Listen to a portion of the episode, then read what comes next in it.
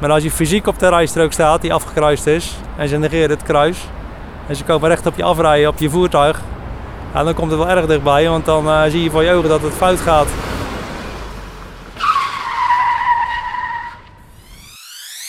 Welkom bij een nieuwe podcast Wegwijzer. Mijn naam is Jeffrey en voor mij zit Iskander.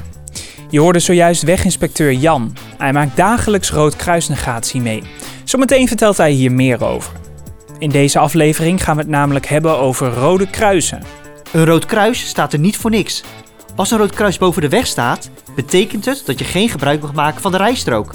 Dit kan bijvoorbeeld te maken hebben met een ongeval verderop, pechgeval, wegwerkzaamheden, voorwerp op de weg of een spoedtransport. Toch maken weginspecteurs vaak mee dat deze kruisen genegeerd worden. En dat zorgt voor levensgevaarlijke situaties. In deze aflevering krijg je antwoord op vragen als: wat doet Rijkswaterstaat tegen roodkruisnegatie? Waarom leggen we geen spijkermatten neer? En waarom negeren mensen rode kruisen eigenlijk? We beginnen deze podcast bij collega Jelle. Hij weet alles over handhaving en weginspecteurs met een BOA-status. Sinds een jaar of vijf uh, mogen on, hebben onze weginspecteurs de bevoegdheid om handhaving te doen. En een weginspecteur is een WIS en een ambtenaar die op mag sporen is een BOA. Dus een WIS-BOA is een weginspecteur die uh, mag handhaven. Onze weginspecteur uh, mag tegenwoordig op vier overtredingen handhaven. De meest uh, bekende dat is roodkruisnegatie. Dus mensen die bij, ja, bij verkeerssignalering onder een rood kruis door, doorrijden en die komen een BOA tegen, die kunnen een bon verwachten. Maar ook op dezelfde manier mogen ze handhaven op stilstaan op de vluchtstrook. op een oneigenlijke manier rijden over de vluchtstrook en op uh, te hoge voertuigen, bij, of eigenlijk te hoge voertuigen. En dat is vaak bij tunnels dat dat gebeurt. We hebben op dit moment uh, 95 weginspecteurs uh, die handhaven. En afgelopen jaar hebben die alleen op roodkruisnegatie ruim 4000 bonnen geschreven. Dus dat is toch wel aanzienlijk. Ja, want waarom is het zo belangrijk dat er op roodkruisnegatie gehandhaafd wordt? Die rode kruisen die staan er niet voor niets, dat is, uh, of niet voor niks, zoals dan de slogan bij ons is.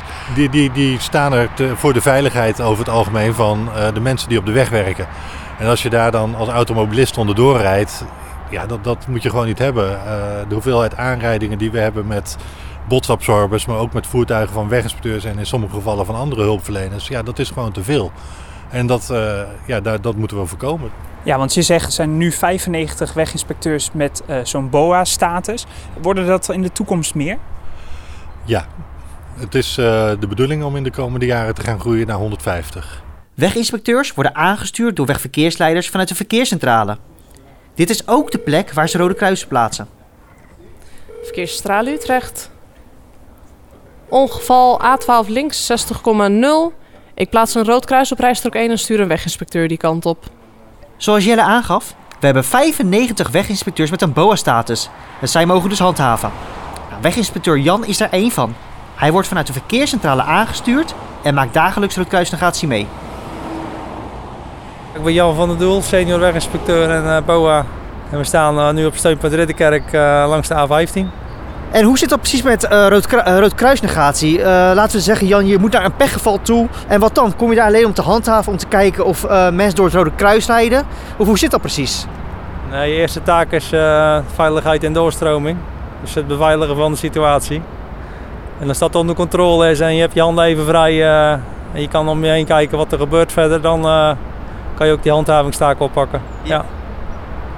De, met de beveiligen van de, uh, van de situatie bedoel je een veilige werkplek creëren. Voor jezelf natuurlijk als weginspecteur. En voor de hulpdienstvoertuigen, wellicht dat er berger nog onderweg is, uh, dat zij veilig hun werk kunnen doen.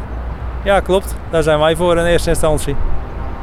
Ja, en als alles veilig staat, dus uh, de berger is ook bezig, dan kan jij kijken naar andere zaken zoals me, uh, mensen die het Rode Kruis negeren. Komt dat vaak voor? Komt dat wekelijks voor? Komt dat dagelijks voor? Hoe, hoe, hoe, hoe ervaar je dat?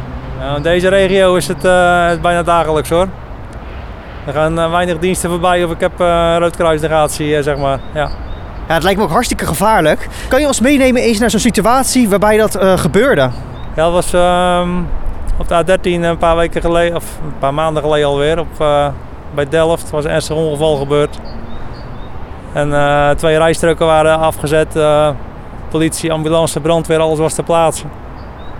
En uh, wij voor de beveiliging van het incident uh, En eh, er stond file, maar de meeste mensen hielden zich netjes aan de kruisen. En eh, er waren er toch weer een paar die gingen de file ruim voorbij, over de afgekruiste rijstrook. Om op het laatste moment nog eh, in te voegen, zeg maar. Ja, en dat lijkt me natuurlijk hartstikke gevaarlijk. Zeker als je die eh, wagens, voertuigen op je af ziet komen terwijl je bezig bent met je, met je werkzaamheden daar. Zet je ze dan eh, stil, eh noteer je het kenteken? Hoe, gaat dat, hoe, hoe gaat dat bekeuren dan?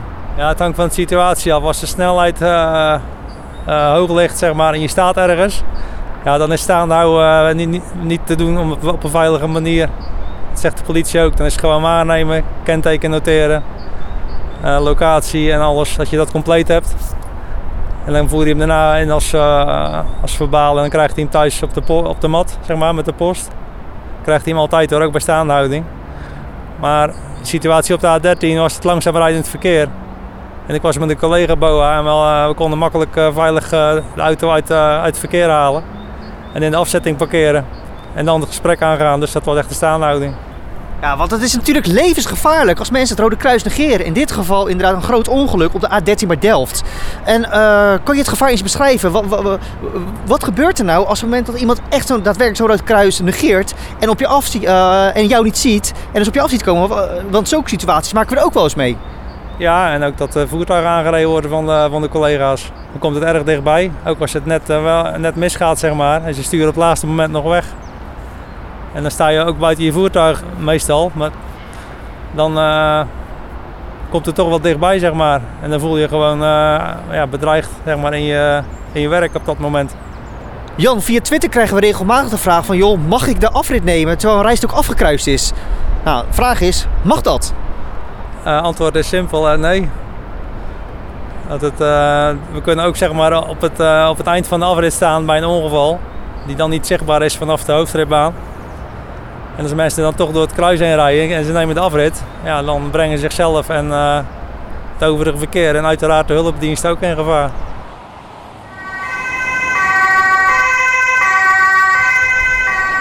Via Twitter krijgen we regelmatig de vraag waarom we geen spijkermatten neerleggen. Dat lijkt wellicht een logische gedachte. En we gaan even terug naar Jelle voor het antwoord. Ja, het liefst zou je dan natuurlijk wel doen. Ik bedoel, van mensen die er onderdoor rijden, eh, dan, dan zet ze stil. Alleen op het moment dat mensen over een spijkermat heen rijden, dan weet je niet waar ze eindigen. Oftewel, het begin is bij de spijkermat, maar als ze vervolgens eh, haaks de rijbaan overgaan en nog een veel groter ongeval veroorzaken, dan ben je veel verder van huis. Dus nee, dat doen we niet. En dat heeft ook weer met die veiligheid te maken waar we voor zijn. En ja, dat is een hele bewuste keuze om dat niet te doen. Maar ik snap de opmerking dat, eh, ja, waar, ik kan de vraag voorstellen waarom. eh. Vanuit de verkeerscentrale zien we regelmatig dat automobilisten rode kruisen negeren. En dat is natuurlijk levensgevaarlijk. We gaan het met verkeerspsycholoog Anke onder meer hebben over de redenen waarom mensen dit doen en wat Rijkswaterstaat hier tegen doet naast het handhaven. Ja, en sommige luisteraars die kunnen je al kennen van eh, de, een van de vorige podcasts over spitsstroken. Maar eh, zou je jezelf toch nog een keer kunnen voorstellen? Ja, mijn naam is Anke Mulder. Ik ben Human Factors adviseur of in andere woorden verkeerspsycholoog bij Rijkswaterstaat. Dus ik hou mij bezig met de interactie tussen de weggebruiker en de weg. Kun je vertellen eh, wat voor soorten roodkruisnegeerders we eigenlijk zien? Ja, je hebt onbewuste roodkruisnegeerders. Die hebben het Rode Kruis niet waargenomen of eh, die begrijpen het niet. Nou, een niet waarnemen dat kan hem zitten in dat eh, mensen met de aandacht ergens anders bij zijn. Doordat ze bijvoorbeeld een route al heel vaak hebben gereden. Dus dan gaat de aandacht vanzelf naar wat andere factoren, zoals een eh, vergadering die je later die dag bijvoorbeeld hebt. Of er komt een complexe situatie aan. Nou, het zijn allemaal factoren waardoor mensen met hun aandacht wat van de weg af kunnen zijn en zo'n rood kruis kunnen missen. Het kan ook simpelweg zijn als je achter een vrachtwagen zit en daardoor je zicht belemmerd is en je het rode kruis pas laat ziet. Ja, dat zijn mensen die eh, het Rode Kruis onbewust negeren. Maar er zijn ook mensen die negeren bewust. Ja, de- deze mensen die ehm, willen het Rode Kruis niet opvolgen. Dat heeft veel te maken met dat deze mensen het Rode Kruis eh, niet zo sterk associëren met gevaar. Eh dat was vroeger wat anders, maar het Rode Kruis wordt tegenwoordig meer ingezet. Denk bijvoorbeeld aan gesloten spitsstroken. Ook op een gesloten spitsstrook kan een direct gevaar zijn, maar dat is niet altijd het geval. En het direct gevaar is dan in de vorm van een auto met pech of eh, afgevallen lading. Maar omdat het vaak ook niet het geval is, eh, zijn mensen eh, eerder geneigd om toch gebruik te maken van die gesloten rijstrook. Wat wel degelijk heel gevaarlijk is, want je weet nooit wanneer er iemand toch op die eh, gesloten rijstrook staat of iets op de gesloten rijstrook zich bevindt. En zijn er ook nog momenten waarop meer mensen bewust uh, de fout ingaan?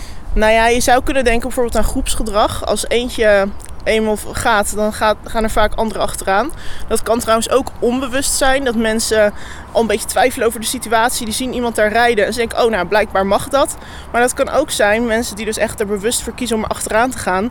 Omdat iemand anders al voorgaat en dat voelt dan veiliger. En wat doet Rijkswaterstaat om uh, dit gedrag te voorkomen? We proberen het ontwerp en de inrichting van de wegen zo goed mogelijk aan te doen sluiten bij de capaciteit van de mens. Dus de waarneming, het begrijpen, uh, ook het verwachtingspatroon. Een leuk voorbeeld is dat we um, nou, tussen de portalen waar de signaalgevers op zitten, dus waar de rode kruisen op getoond worden, uh, wordt een vaste afstand aangehouden. Dus dat betekent als jij onder een signaalgever doorrijdt, zie je bijna altijd al het volgende portaal, of in ieder geval binnen korte tijd. En dat bevestigt eigenlijk voor de weggebruiker, ja, ik zit goed. Stel je maar eens voor dat uh, er een rood kruis getoond wordt. Jij rijdt door en ziet de hele tijd geen rode kruisen meer. Dan ga je toch een beetje twijfelen of dat rode kruis nog wel geldt. En dat willen we voorkomen. En Anke, Rijkswaterstaat doet nog meer om uh, roodkruisnegatie te voorkomen, toch? Ja, we zijn ook uh, bezig geweest met de vormgeving van het Rode Kruis. Uh, in, in het midden van het Rode Kruis zit als het ware een uh, stip die geen rood licht uitstraalt. Dat is om te voorkomen dat het Rode Kruis op afstand als een bol waargenomen wordt. Um, en doordat je die stip dus ja, eigenlijk leeg laat, geen, geen licht laat uitstralen, zie het echt als een, een rood kruis. Daarnaast, um, voor kleurenblinden zijn we steeds meer bezig. Uh, bij nieuwe signaalgevers wordt een uh, ja, net andere soort rode kleur weergegeven, waardoor kleurenblinde mensen met verschillende soorten kleurenblindheid uh, de rode kruisen goed kunnen waarnemen. Het negeren van rode kruisen is dus levensgevaarlijk. Weginspecteurs worden hier vaak mee geconfronteerd. We gaan tot slot nog even naar weginspecteur Jan, want hij heeft nog een boodschap voor je om deze podcast mee af te sluiten. Uh, hou je altijd aan de, aan de regel. Dus uh, rood kruis betekent rijstrook dicht en die rijstrook niet gebruiken. Want het is gevaarlijk voor jezelf, uh, voor het overige verkeer en voor, voor de hulpdiensten en de aannemers die daar aan het werk zijn. Nou, mijn dienst gaat beginnen, dus ik, ga, ik ga de weg op. Bedankt.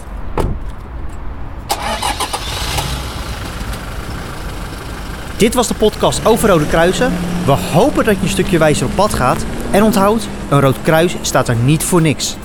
Heb je nog vragen naar deze aflevering? Weet ons dan te vinden via Twitter, RWS Verkeersinfo of bel 0800 8002.